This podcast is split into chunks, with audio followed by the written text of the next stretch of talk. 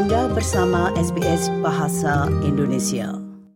Saudara pendengar di Australia, cara paling cepat mendapatkan ambulans dalam situasi darurat adalah dengan menelpon triple zero atau 000. Dalam episode panduan pemukiman kali ini, kami akan sampaikan bagaimana dan kapan menelpon ambulans di semua negara bagian dan teritori, serta informasi biayanya. Berikut ini laporan selengkapnya yang disusun oleh Ciara Pazano.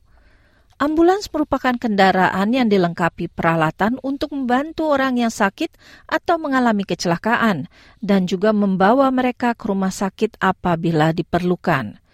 Dr. Simon Sawyer, seorang paramedik terdaftar dan direktur di Australian Paramedical College, mengatakan terdapat berbagai macam situasi ketika seseorang harus menelpon triple zero dan meminta bantuan ambulans. If somebody's having something like a heart attack or they've got unexplained chest pain or chest tightness or something like that, we'd recommend calling an ambulance. If somebody had suddenly lost consciousness or was suddenly weak or numb or paralyzed, maybe they couldn't speak properly, or seizures, traumatic injuries, so falls from large heights where you've injured yourself, anything violent, like if you've been stabbed or shot, um, perhaps you've been burnt, which is particularly important to call the ambulance in children. Dalam beberapa keadaan, menemukan lokasi pasien cukup sulit menurut Dr. Sawyers.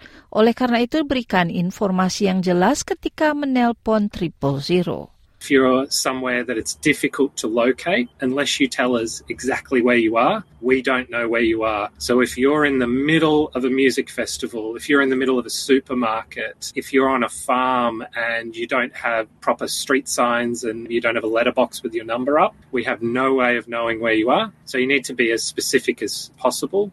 Pelayanan Triple Zero gratis dan dapat dihubungi 24 jam setiap harinya 7 hari seminggu dari semua sambungan telepon kabel, telepon berbayar, atau telepon genggam Anda.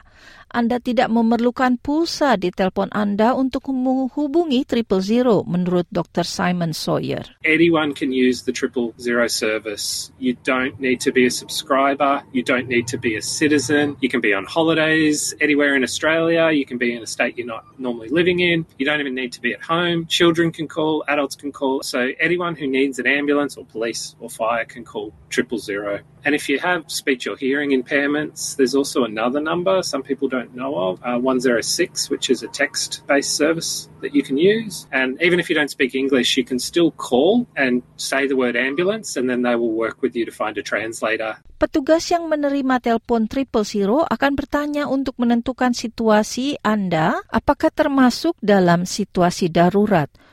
Dr. Sawyer menambahkan bagaimana Anda menjawab pertanyaan sangatlah penting. They'll ask you what the actual problem is. So, again, be as specific as possible. Speaking as a paramedic, it's important for me to know exactly what I'm going to for a number of reasons. So, you might say, for example, I've had a car accident. My partner isn't breathing. My partner's got chest pain, something like that. They'll ask how many people are sick or injured. Again, that's important because if it's just one, maybe just one ambulance will be enough.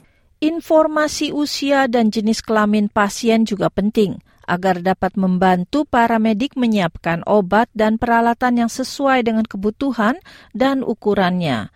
Ini termasuk menentukan apakah pasien mengklasifikasikan diri sebagai transgender atau non-binary.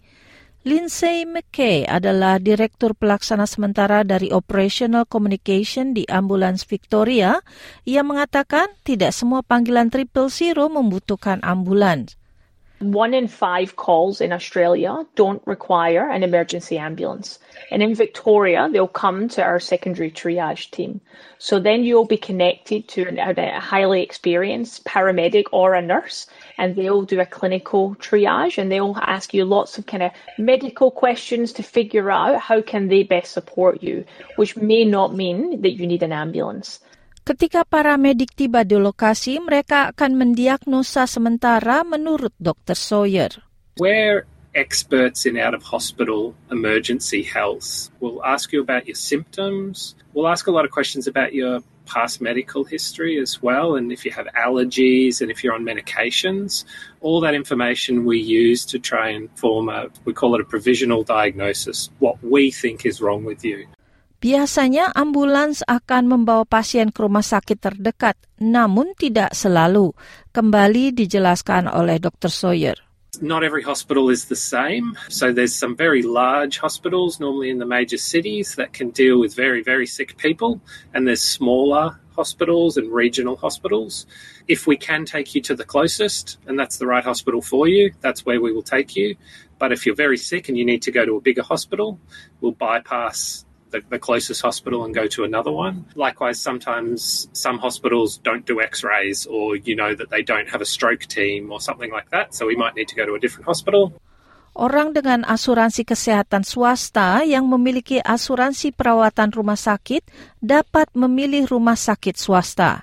Sementara itu, Medicare tidak termasuk pelayanan ambulans.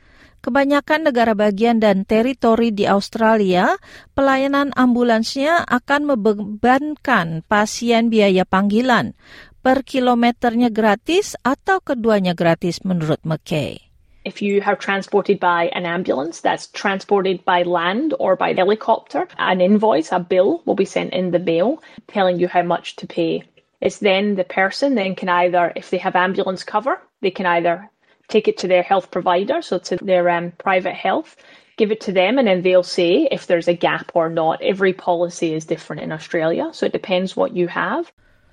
Dr. Sawyer mengatakan biaya pemanggilan ambulans beragam tergantung daerah yuridiksinya dan keadaan pasien. Some states like Queensland and Tasmania have free ambulance cover for all residents. Others you have to pay for a membership. It's important to note you can still use the ambulance service if you don't have a membership, but you might have to pay. So there's a lot of factors that determine who needs a membership and who doesn't. So start with what state you're in. Sometimes different states you don't have to have a, a membership if you've got a healthcare card or a seniors card. If you've got private health insurance, sometimes ambulance cover is included in that. Meskipun begitu, Dr. Sawyer mengatakan ada cara yang cukup murah bagi Anda, yaitu berlangganan sebesar 50 dolar per orangnya dan 100 dolar untuk keluarga per tahunnya. Contact your state ambulance service. You can go through their website or you can call them. You don't call triple zero. You would um, call the ambulance service and ask whether you fall into the category of needing a membership or not. And they will be able to advise you. If you do need a membership, they're not expensive at all. They're usually around $50 a year for a single person or around $100 for a family. McKay menambahkan apabila bahasa Inggris Anda kurang lancar, Anda dapat menggunakan layanan penerjemah yang terdaftar dalam proses ini. We have access to the full national linguistic line. So when they dial triple zero, they could say to them, if they don't know lots of English, at least if they know to say, I speak, and then tell them what language they speak, they'll connect them through to the interpreter service. And then if they're able to answer those questions, and they don't need help, that's great. And then if it comes to the clinical and you speak to those paramedics and nurses, you can ask for it then and they will connect you in. So we, we'll do all that on the phone to help you. Demikian tadi laporan panduan pemukiman yang disusun oleh Ciara Pasano. Sukai, berbagi, komentar.